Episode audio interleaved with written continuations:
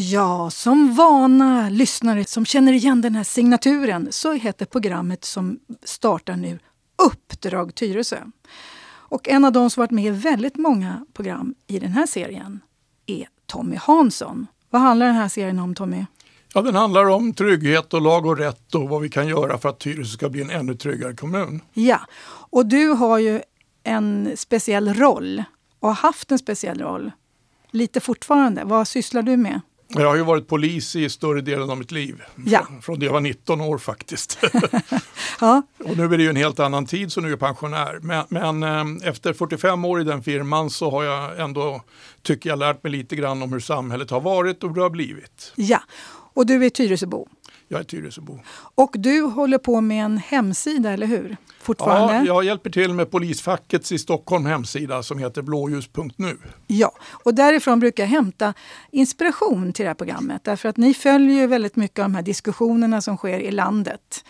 Så att man vet vad det är som händer och vad polisen tycker.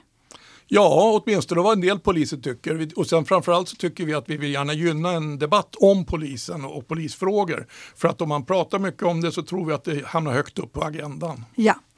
Men nu har vi fått hit en väldigt viktig person, skulle jag vilja säga.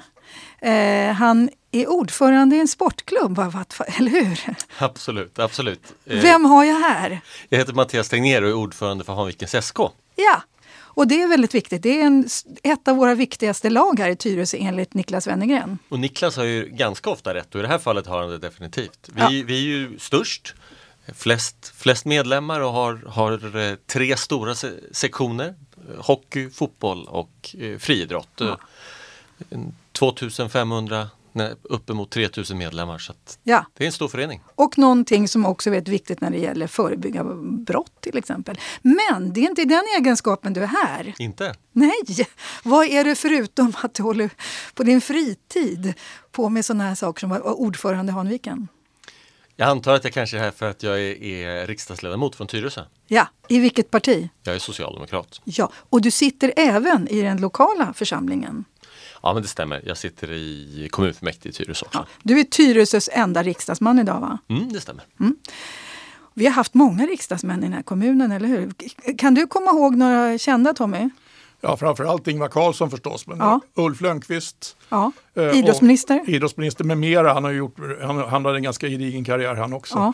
Och, och sen så hade vi eh, to, Thomas Tobé också från Moderaterna. Han var sist faktiskt nu. Eh, att han flyttade Se- till, senast i alla fall. Senast, ja men, ja men han var ju också eh, flyttade till Bryssel va? Ja, precis. Han har Ja. blivit EU-parlamentariker. Ja. Sen har vi haft en VPK-ledare också. Jag höll på att glömma Werner. Ja.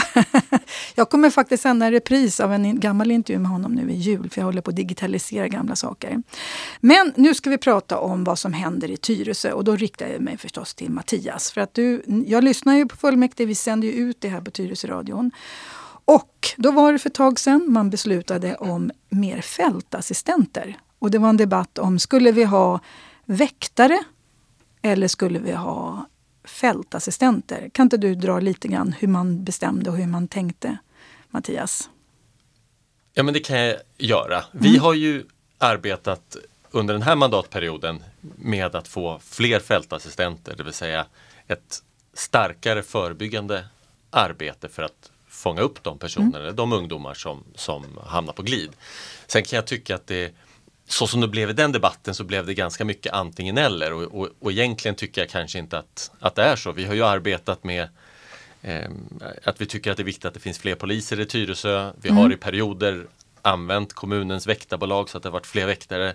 Eh, kommunen ser ju till att, att det finns fler nattvandrare. Hanvikens SK är ju med och nattvandrar exempelvis. Så jag tror just det här binära att det är ett eller två, Ja. ja, eller nej, det tycker jag egentligen är lite synd. Nej, det, det, det, är den tråkiga sidan av politiken tycker jag.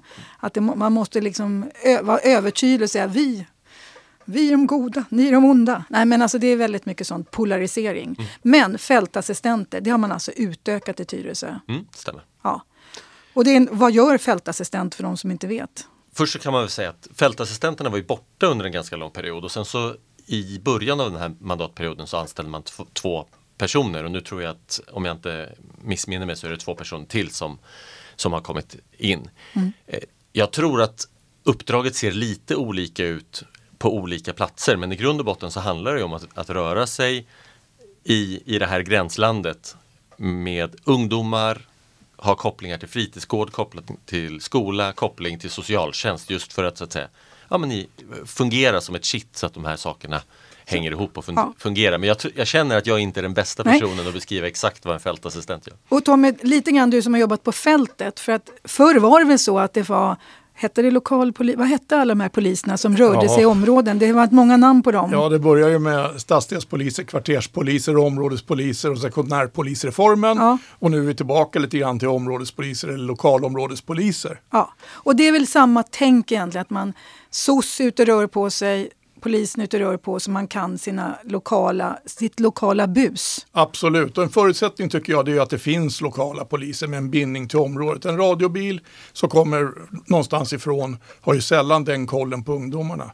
Men om man har lokala poliser och så har man fältassistenter, då är det absolut bästa som finns. Därför att det är faktiskt så att en, rätt många nybörjare på brottets område eller rent av bara de som är i farozonen för mm. brott. För brott, för bro, droger och för allt sånt där.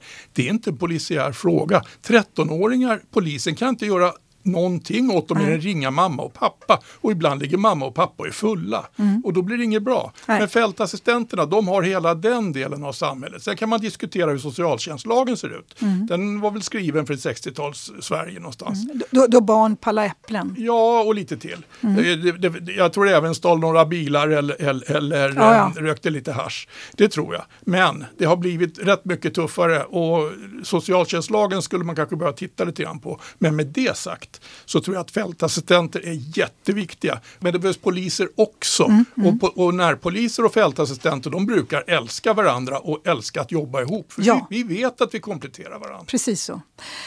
Sen har det också varit diskussion om det här med kameror. Där man ville sätta upp kameror i vissa områden men det blev nej på det. Från, fick man inte tillstånd till det? Hur var det där Mattias?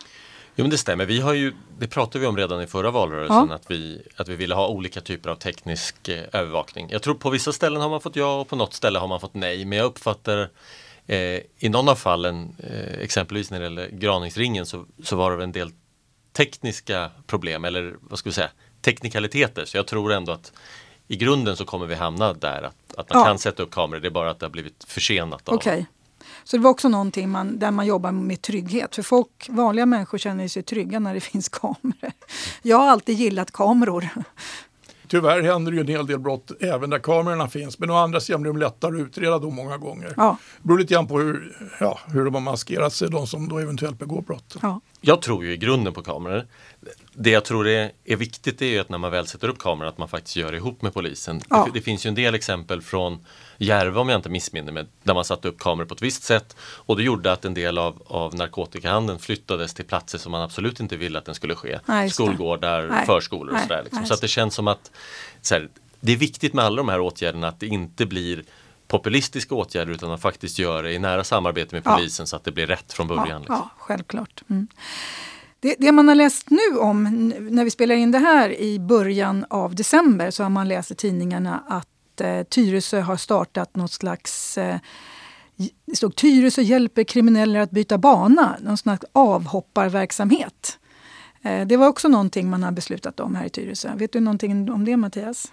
Nej, jag kan inga detaljer kring det. Nej. Det jag vet är väl att eh, i exempelvis Malmö så har man ju genomfört det här. Och om mm. jag har mm. förstått det så har det fungerat väldigt, väldigt bra. Ja, för, för det är väl liksom grejen om man är nu, har hamnat i en kriminell miljö. Att bryta sig loss från sin miljö är inte alltid så lätt. Och få, man måste liksom få hjälp med det. Ja, det, är alltså, det är väldigt svårt och egentligen så tror jag att ibland är det omöjligt. Ja. Eh, om man inte plockar bort vederbörande från eh, den miljön mer eller mindre med tvång. Men, men, men, men eh, som en polis som jobbar i Järva sa när han pratade med Oisin Cantwell i Aftonbladet så sa han det att men rätt vad det är så öppnas det ett fönster. Och, och, och, någon känner att det är pressat och jobbigt, han kanske är på abstinens och så vidare. Och då behöver han prata med någon. Och om det då finns en sån här organisation som man kan vända sig till så kan det nog vara möjligt. Mm. Som sagt i Malmö kör man Sluta skjut och i Järva kör man någonting som heter trefas. Och trefas Det går ut på att polisen och sociala och kriminalvården har ett gemensamt program för att fånga upp de här som när det finns en möjlighet, när de är motiverade, då ska det finnas en väg ut. Eh, Och, och det måste man ju ändå säga att det är positivt därför att varje kriminell som upphör med sin verksamhet det innebär ju jättemånga brottsoffer som slipper bli brottsoffer. Verkligen. Sen i sociala medier så läser jag att Socialdemokraterna har gått ut med namninsamling för att få en ökad närvaro av poliser i Tyresö. Man vill att den här polisstationen ska öppnas igen. Mattias, vad är det här för populistiskt idé? Jaha. Jo, men och det gjorde vi. Det var någonting som vi lyfte fram redan i, i valet 2018 och det var även så att jag och Anita Mattsson året efter skrev en debattartikel och skrev ett öppet brev till den dåvarande eh, polischefen för Stockholm syd. Jag Ja. hoppas att jag säger rätt nu. Ja. Eh, men i, i grund och botten så skulle jag vilja säga att vi vill framförallt att det ska finnas fler lokala poliser. Det är på något sätt det absolut viktigaste. För nu finns det egentligen ingen. Det finns en kommunpolis, va?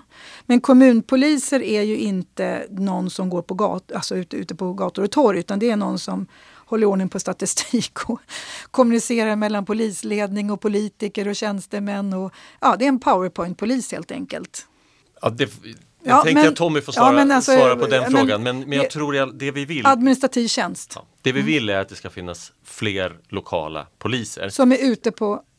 Ja. Ja. Sen så tror vi att, och det här gäller inte bara polisen, men jag kan uppfatta som Tyresöbo och jag brukar alltid springa runt med en Tyresöflagga när jag rör mig i riksdagen eller Mm. när jag rör mig någon annanstans.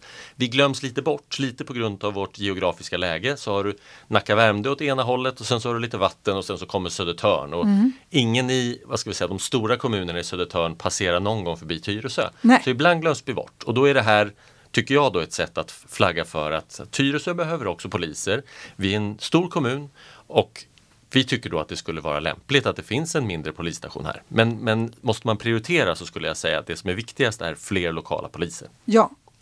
Och det är ju så här att Tyresö har än så länge inget utpekat område, särskilt utpekat område eller vad det nu heter för någonting. Alla.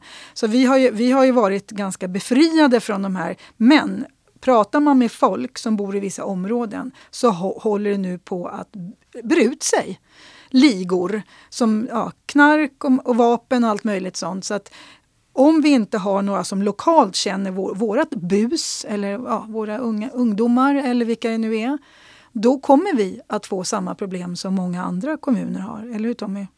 Ja, risken torde ju öka på det viset. Och det problemet är att poliserna i Stockholm har ju inte blivit fler sedan 2015 ungefär, utan vi är ungefär lika många.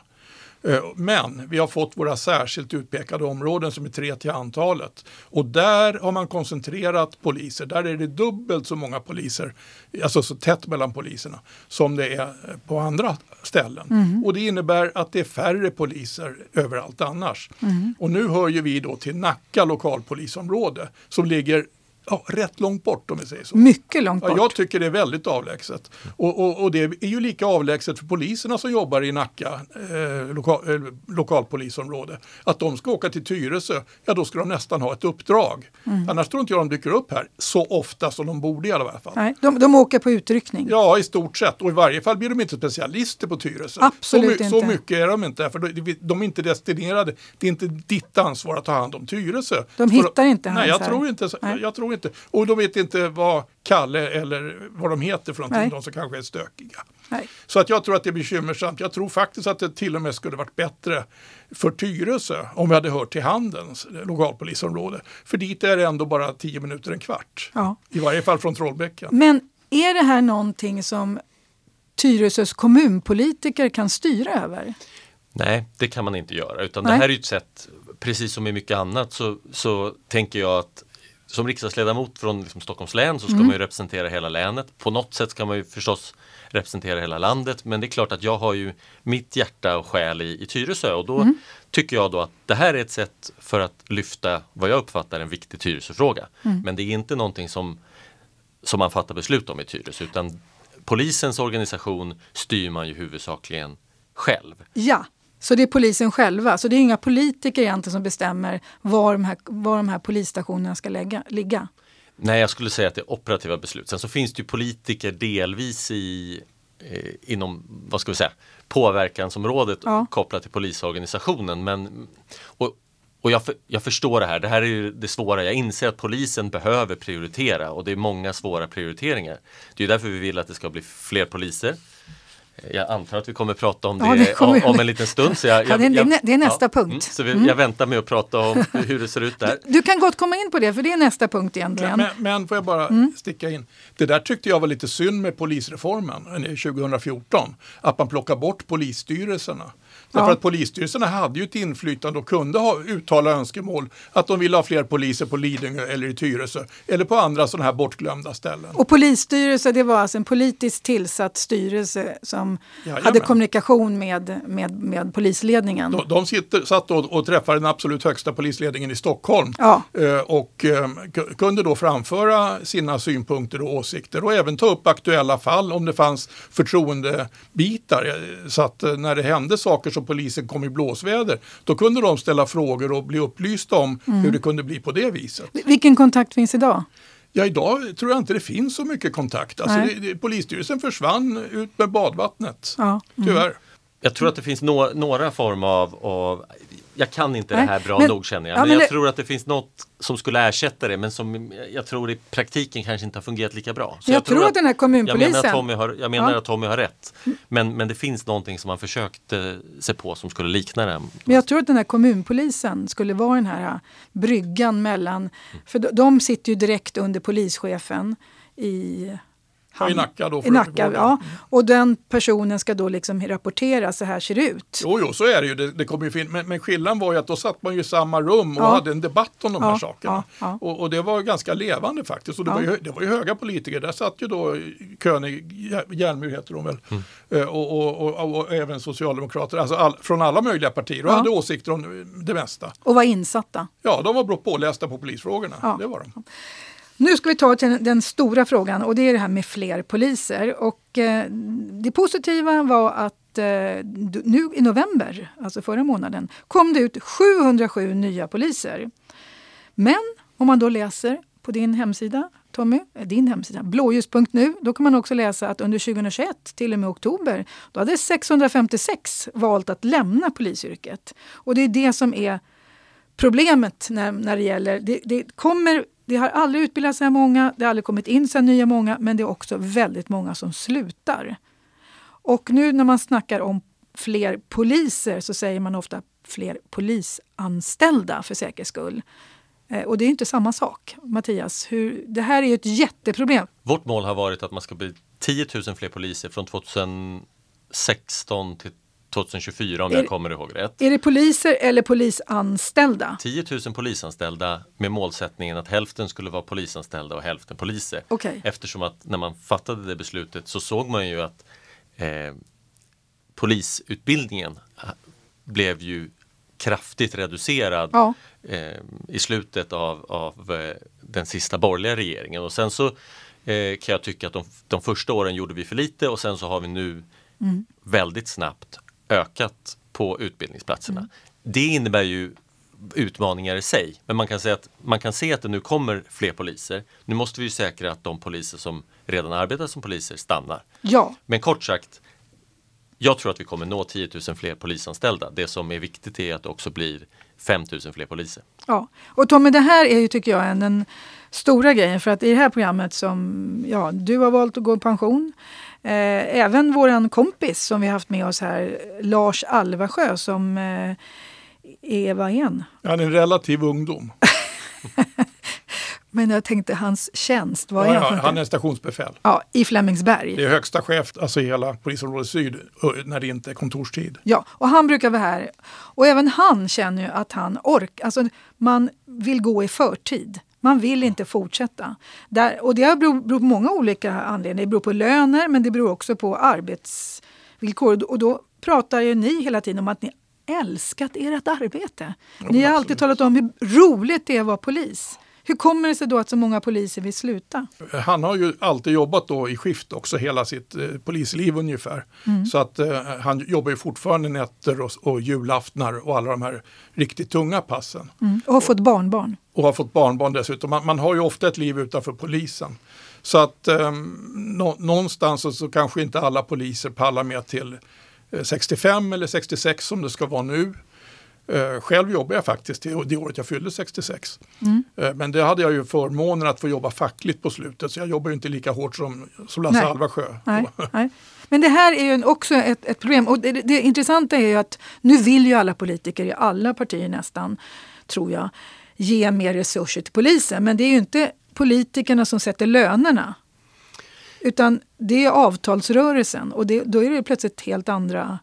Så att man får ju inte, även om en politiker säger att vi ska höja poli, poli, polisens löner så är inte det någonting man kan besluta i Sveriges riksdag. Alltså, jag tror ju på den svenska modellen och, och gör man det så, är ju rätt väg att gå. Det är ju att, poli, att politiken ser till att det finns mer pengar och sen så, så är det arbetsmarknadens parter som förhandlar. Man har ju gjort en del undantag från det. Även den, den regering som jag röstar fram eh, gjorde, ju, gjorde ju en sån insats kopplad till, till lärarlöner. Ja. Så man kan diskutera vad som gick bra och vad som gick Ja, mindre bra. ja. Jag tror inte att det gynnar den här saken att, att vara inne och peta i lönebildningen på det sättet. Nej. Utan jag, jag tycker att vår uppgift är att se till att det finns nog med resurser. Och den bild jag har, eh, även om jag är spänd på att höra vad, vad Tommy säger, det är ändå att när man nu har skjutit till mer resurser under ett antal år så har i alla fall lönerna ökat betydligt mer nu än vad de har gjort tidigare. Sen finns det säkert eh, eh, det, det är från en låg nivå så att det behöver fortsätta så att lönerna går upp. Va, vad säger Tommy? Ja, det- är en ganska riktig analys, jag har inte mycket att säga emot det. Men det som har hänt då, det är ju att vi har ju dels haft, om man säger den ordinarie påslaget som eh, ligger i märket och allt det där som alla känner till. Men dessutom har vi haft ungefär lika mycket pengar till som har blivit tillsatta särskilt till polislöner via politiska beslut. Det har varit oppositionsbudgetar och annat som har dykt igenom. Eh, men de pengarna har arbetsgivaren själv kunnat för, för bestämma över. Och då har arbetsgivaren sagt att ja, men det där vill vi lägga på de i yttre tjänst. Och det är klart att de i yttre tjänst har en extremt tuff miljö och de behöver verkligen eh, mer pengar. Å andra sidan, de som utreder de extremt grova brotten, de som är hundpoliser eller de som är, är, är spanare eh, behöver ju också betala både mat och hyra och dessutom har de haft lika dåligt betalt de. Så det har, har gjort att det har blivit en viss eh, split i, i kåren. Att man börjar titta på att men varför ska du få 3000 till och jag får ingenting. Nej, så det, det. det har känts väldigt tokigt. Det var lite grann som första lärar, lärarsystemet. Ja. Så att, så att, och och där, där håller jag med Mattias. Att, att det hade varit mycket bättre om man hade låtit den svenska modellen råda fullt ut. Så att man sa att det här ska ni förhandla om. Och ni får stänga in er i ett rum och gå inte ut förrän ni är överens. Om vad som är bäst för polisen. Nu, nu har ju då oppositionens budget gått igenom Alltså du menar i riksdagen? i riksdagen precis häromdagen. Eh, och då har faktiskt, från början sa man att de pengarna skulle gå till yttre tjänst också. Så att det skulle bli kaka på kaka på kaka som Då, det då har då, varit. då kommer alla de här gamla ja, då, då, duktiga utredarna och allting sluta. Ja, då, Då- det hade ju varit en stor risk då att väldigt många av dem antingen skulle sluta eller skulle känna sig tvingade att gå ut på ett närpolisområde och göra någonting som de själva är sämre på istället för att utreda mord och våldtäkter. Och, det, och det är inte rimligt. Så att eh, nu, jag tror att det var rent av i förrgår, så hade man då ett beslut i, i eh, Första december. Ja, första december, just det. Eh, Så, hade, så fattade man då ett beslut att man även skulle satsa på till exempel utredare av grova brott och inte bara lägare. Så att man har faktiskt lyssnat på Jaha. s- skriken och eh, Polisförbundets dubier i förhållande till den här sista budgeten. Och det tycker jag är väldigt glädjande. Och jag bryr mig inte om varifrån budgeterna kommer. Jag Var- bryr mig inte om varifrån pengarna kommer. Men jag tycker det är bra att man satsar på polisen. Men det ska inte komma med en massa pekpinnar. Pinnar, det tycker Nej. jag. Jag tänkte faktiskt göra så här. Jag har nämligen skrivit ut Magdalena Anderssons, vår nya statsministers regeringsförklaring från 30 november. Visst var det bra? Alltså jag måste säga så här, om det här blir verklighet då blir jag lycklig. För jag kallar mig numera, det vet eh, Mattias, jag är också socialdemokrat, men jag kallar mig för politiskt deprimerad socialdemokrat av massa olika anledningar. Också just för att jag börjat, det här programmet började jag göra 2014 och sen dess har det hänt massa tråkiga saker. Och jag tycker ju inte att man har tagit itu med det här. Så jag, ska, jag tänkte faktiskt att vi skulle ta punkt för punkt som hon tog upp. För att väldigt mycket av det hon tog upp är sådana saker som jag tror väldigt många människor ja, funderar på. För hon skriver just om de här bostadsområdena i Sverige. Hon skrev så här, jag läser högt vad hon sa som ni får höra hennes ord. Jag låter inte lika bra som hon. Det finns bostadsområden i Sverige som präglas av trångboddhet och en svart bostadsmarknad där organiserad brottslighet agerar både hyresvärd, bank och arbetsgivare. Där rättsväsendet trängs undan och gängen skapar egna spelregler. Där barn rekryteras rakt in i den kriminella livsstil. Där sprängningar och skjutningar är vardag. Så kan det inte fortsätta. Eller hur? Så kan det inte fortsätta. Nej. Eller hur? Alltså, men för att komma till rätta med sådana problem ja. så måste man först se dem och erkänna dem. Ja, och det är väl positivt att man nu gör? Ja, jag tycker det är fantastiskt bra. Ja, och det tycker jag också. Och nu ska vi hålla, kolla hon har tänkt att höra vår nya statsminister. För att få stopp på våldet måste förövarna lagföras. Kriminalpolitiken läggs om, fler än 70 straff har skärpts. Ett 30-tal gärningar som tidigare inte var straffbara har kriminaliserats. En historisk utbyggnad av hela svenska rättsväsendet pågår. Målet om 10 000 fler polisanställda är på god väg att nås. En omfattande utbyggnad av kriminalvården genomför och domstolarnas kapacitet stärks väsentligt. Ja, I stort sett varenda brottsbekämpande myndighet fått nya verktyg, fler anställda och större befogenheter. Nu går vi vidare. Det här med 70 straff som har skärpts. När jag har pratat med dig Tommy och även andra poliser så är det ju liksom inte... Det är, straffen har ju liksom inte, minimistraffen har ju inte skärpts, utan det är maxstraffen som har skärpts. För det är inte alltid så att det blir så stor skillnad i praktiken när man inte... Det är väl minimistraffen som måste höjas för att det ska bli skillnad. Ja, det kan man nog säga. Och sen är det ju det här när det är väldigt unga gärningsmän. Mm. Då, jag vet inte om ni noterade det, men den här eh, ynglingen som sköt min kollega Andreas Danman. Eh, han, den, den ynglingen var ju dömd för mordförsök på en buss ett år innan och var utsläppt igen. Mm. För att mm. han fick tillfälle att åka runt med, en, med ett automatvapen och skjuta folk. Eh, så snart efter. Mm. Och det tycker jag är fruktansvärt, både för hans del och ännu värre för brottsoffrens del. Men om ni tänkte på det nu för en vecka sedan så var det ju en yngling i, eh, på Hisingen i Göteborg som knivskar en busschaufför så att han blev allvarligt skadad när busschauffören skulle tillrättavisa ett ungdomsgäng. Ja. Och dessutom en passagerare på bussen. Den ynglingen är nu ute från häktet och kommer förmodligen att få ett motsvarande påföljd, alltså något år eller på sin höjd eh, i ungdomsvården. Och, och, och, kommer få nya chanser och dessutom när de har gjort sådana här saker då växer de ofta i sina i de grupperingar där de rör sig. Då tycker mm. de att det är en tuff kille där och särskilt om man då lyckas rymma ifrån ungdomsvården. Mm. Jag tror att Magdalena Andersson ja. nämnde det också i, ja. i tal. Ja, men då ska ja. du få läsa det. Ja.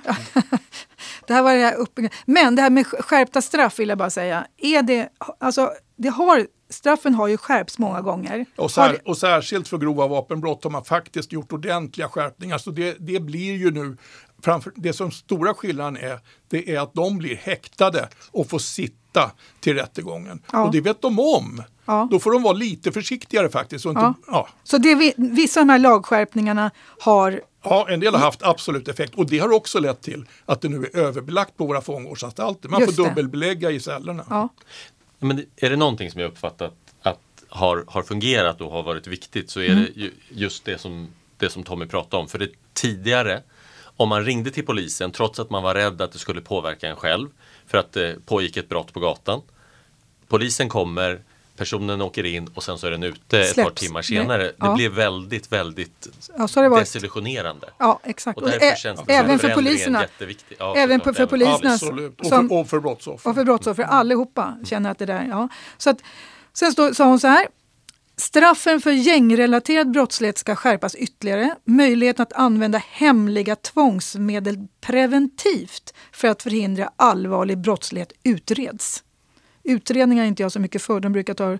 Det utreds och utreds och utreds. Men är det verkligen så Ann? Ja, jag tror för, det. För man får ju inte lagstifta i Sverige utan Jag att vet, utreda. men- Så att om man försöker lagstifta utan utredning så kommer ju den lagen underkännas i Det domstol. brukar ta så lång tid bara. Men om du inte gör det så händer ju ingenting alls. Ja, okej, då, du har en poäng där. Men det här med hemliga... Plötsligt händer det. Ja, men hemliga tvångsmedel, att man får möjlighet att använda hemliga tvångsmedel preventivt. Vad säger Tommy som är den som kan mest om det här i rummet? Ja, jag vet inte om jag kan så mycket om just det ska jag säga, men, men det där är ju faktiskt en balansgång och det gäller ju mycket i rättssamhället. Sådana saker som man ansåg var omöjliga, kom ihåg FRA-lagen och allt sånt Ja. där, Ehm, för bara något decennium sedan, det börjar bli verklighet nu. Mm. Och, och det är därför att det har gått så långt. Jag tycker inte att det är en önskvärd utveckling Nej, egentligen. ingen av oss gör det. Utan, utan det här är någonting som vi nu alla drabbas av därför att det har gått så långt åt fel håll. Ja. Och egentligen är det ganska förskräckligt. Och, och det är likadant, man talar ju om visitationszoner från vissa håll. Och man talar om militärt i förorten Mm. Ja. Mm. och sådana saker. Jag, jag ty, det där, sånt där får man faktiskt se upp med. För Sverige ska, ska med andra medel angripa brottsligheten. Ja. Så att den trängs undan och så ska vi inte behöva ha ett orättssäkert samhälle. Mm. Det, det, jag tror ingen, ingen vill det. Men, men, men någonstans så har man börjat knapra på det där. För, för att det har gått för långt. För att det har gått för långt. Ja, jag håller med. Framförallt militären eh, måste jag ändå säga att när vi har en polis i Mm. Sverige som fungerar väldigt bra, som har rätt metoder och rätt utbildning för att Mm. fungera. Medan vi har en militär som har andra syften. Ja, Så tycker jag att det är en ganska då, alltså det är en dålig idé generellt sett. Sen finns det kanske speciella situationer men, men i grund och botten så har vi en polis som är kompetenta, som behöver bli fler. Det är ju vägen att gå, inte att, att Mm. Ja. använda militären där de inte där är ska vi vara. helt ense. Straffen för mened, övergrepp i rättssak och skyddande av brottsling skärps, säger alltså Magdalena Andersson. Så det här är regeringsförklaringen jag håller på att läsa upp för ni som börjar lyssna nu. Vittnen ska inte hotas till tystnad utan få det stöd de behöver för att i trygghet fullgöra sin plikt. Det är ett jätteproblem idag att man inte får några vittnen att vittna. Precis, och där har man ju en diskussion om man då ska ha anonyma vittnen och det är också en sån där sak som man helst inte skulle vilja. För offentlighetsprincipen och omedelbarsprincipen som det heter i, i, i domstolarna borde vara självklar. Men, men när, när folk är så rädda så att de gråter när de ska in och berätta vilka det var som kom in i närbutiken och, och Ja. eh, rånade personalen. Ja. Omedelbarhetsprincipen tror jag, eftersom att det finns ju flera andra väldigt rättssäkra länder som inte har den, Mm. så tänker jag att, att eh, Danmark.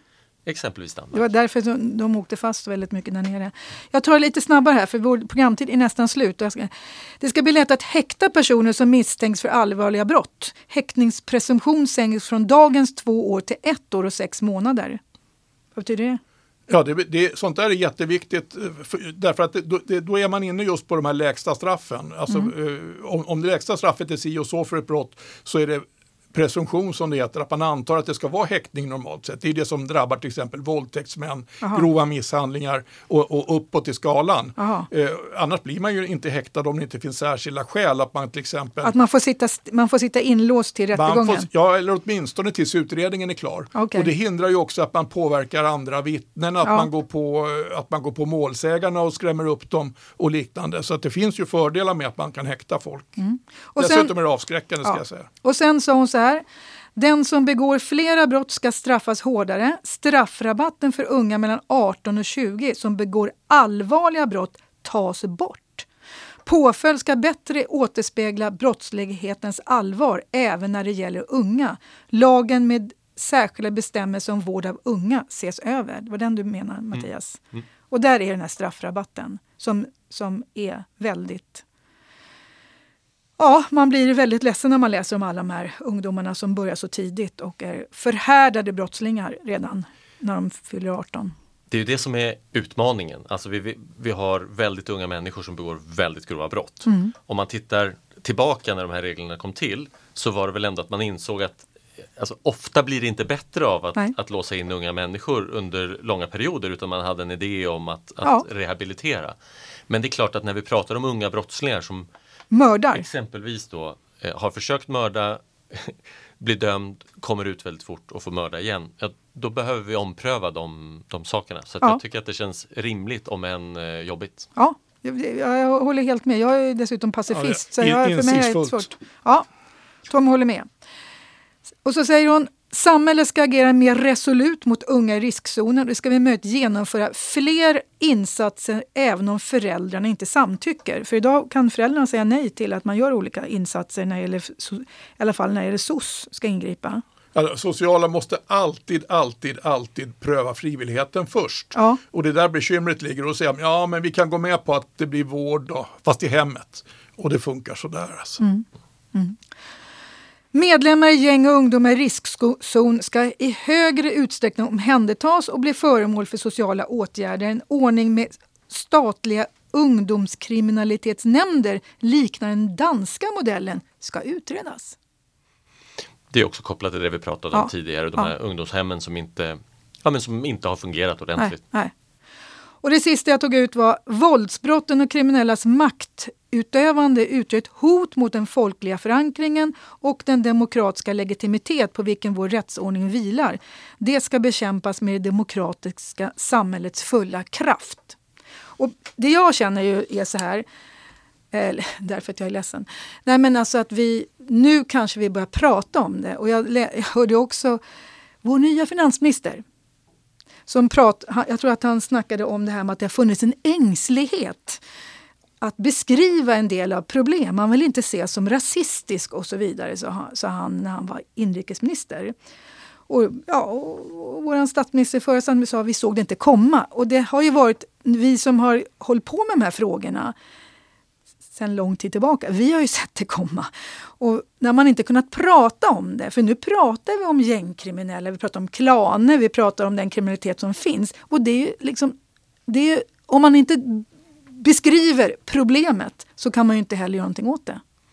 Nej men det tror jag också. Vi har ju exempelvis haft socialdemokrater i Södertälje som väldigt länge har, Ja. har pratat om en del av de här Och de har frågorna. lyckats. De har lyckats. De har ju varit en del av den här lösningen nu. Att man pratar om Alltså att man pratar om finansieringen av de här gängen. Man jagar pengarna. Ja men exakt, för, Mm. för det är klart att alltså, droger och, och personrån och sådär det är klart att det är en stor del av inkomstkällan men vi har också sett alltså välfärdsbrotten Ja. har ökat så att man vågar prata om det också, handel med, med hyreskontrakt, alltså så att man pratar om hela, Hela den biten. hela den, Ja. den biten. Nu blev det väldigt generellt därför vi har fått en ny regering. Mm. Eh, och du är då eh, socialdemokratisk eh, riksdagsman för det partiet som nu styr landet. Och vi hoppas då, även kanske Tommy, vi hoppas att man lyckas nu på ett år genomföra mycket av det här. Ja, men alltså de får ju börja. Eh, De har ju de- den chansen att verkligen visa. Och nu har, jag får ju ändå säga det att Magdalena Andersson har ju varit extremt tydlig. Jag har aldrig hört, tror jag, någon statsministerkandidat som hon var då säga det här med att man ska vända på varje sten. Att varje minister ska varje morgon starta upp med att tänka på vad de kan göra åt de här problemen. Ja. Och sen sätter man Mikael Damberg som finansminister. Det, det är ju han och Morgan Johansson i det partiet som jag tycker kanske kan de här frågorna bäst. Därför att han har faktiskt åkt med hundratals olika poliser och Ja. pratat med dem och hört och sett den verkligheten som vi ser varje dag. Ja. Så att jag tror att det finns ändå ovanligt bra förutsättningar för en eh, realitetsanpassad politik den här gången. Mycket bra. Jag tycker vi slutar med det. Det var väl en bra avslut, eh, eller hur? Verkligen, jag Ja. nickar och ser nöjd ut. Tur att han Då blev har jag varit för snäll. Ja, jag vet. ja, ni får komma hit igen. Jag tycker ni är ett bra par också. För att i och med att det, det här är liksom både gammal erfarenhet och eh, en ny, eh, ja, vad ska man säga, ung pappa som vill också, ja han har två små barn nu. Eh, så att det, vi, vi är allihopa bekymrade och jag har ett litet barnbarn. De här frågorna berör oss alla på olika sätt. För Verkligen. tryggheten är bland, har vi inte trygghet då är alla andra frågor oviktiga. Ja, helt riktigt. Och, och egentligen så tror jag att barnen och de unga är de som är mest utsatta. Det gäller unga flickor, Ja. det gäller unga pojkar som inte vågar åka tunnelbana och så Ja. vidare. Utan Ja. det, det är, man ska åka och hämta dem överallt för att det har blivit så otryggt. Det kan Ja. inte vara så. Verkligen, för jag, Ja. nu, nu när vi ändå kommer in på det, Ja. för det är faktiskt en av de viktigaste frågorna. Jag, när, när Damberg var inrikesminister så ställde jag faktiskt den frågan i en frågestund till honom. Alltså vad man kunde göra åt Ja. ungdomsrånen och man kunde se här i Tyresö om det var mellan 19 och 20 eller något sånt här, att de faktiskt hade fördubblats. Så Ja. man kan se hur det här påverkar och det eroderar tryggheten, det eroderar förtroende för samhället och det skapar också, eftersom Ja. att förövarna ofta kommer från någon, någon annan ort i närheten, så, liksom, så skapar det också krockar mellan olika grupper. Mm. Den senaste Broundersökningen, jag tror att det var 20 procent 20 procent mm. av tjejerna i upp till 20 ja, år eller något sånt sa att de under det senaste året har blivit utsatt för någon form av sexuell kränkning. Ja. Var femte tjej! Mm, det är helt absurt! Mm, mm, mm, så att det här är frågor som jag tror allihopa sitter vid sina köksbord och skakar på huvudet varje morgon. Och Det är därför jag är politiskt deprimerad. Så att jag kanske blir lite gladare nu efter det här programmet. Tack så mycket Mattias Tegner, Tyresöbo, ordförande i Hanvikens SK och riksdagsman. Och Tommy Hansson som är veteran när det gäller polisfrågor och kan det mesta inom, som jag följer på Twitter. Han är inte lika glad som han är här. Ja, där är du lite skarpare. Men Twitter är ett ställe där man verkligen säger vad man tycker. Vill man veta vad folk tycker, då går man in på Twitter. Tack så mycket Tommy för att du kom hit igen. Tack. Och tack så mycket Mattias. Tack. Och jag som har lett det här programmet heter Ann Sandin Lindgren och ni har lyssnat på Radio Tyresö och programmet heter Uppdrag Tyresö.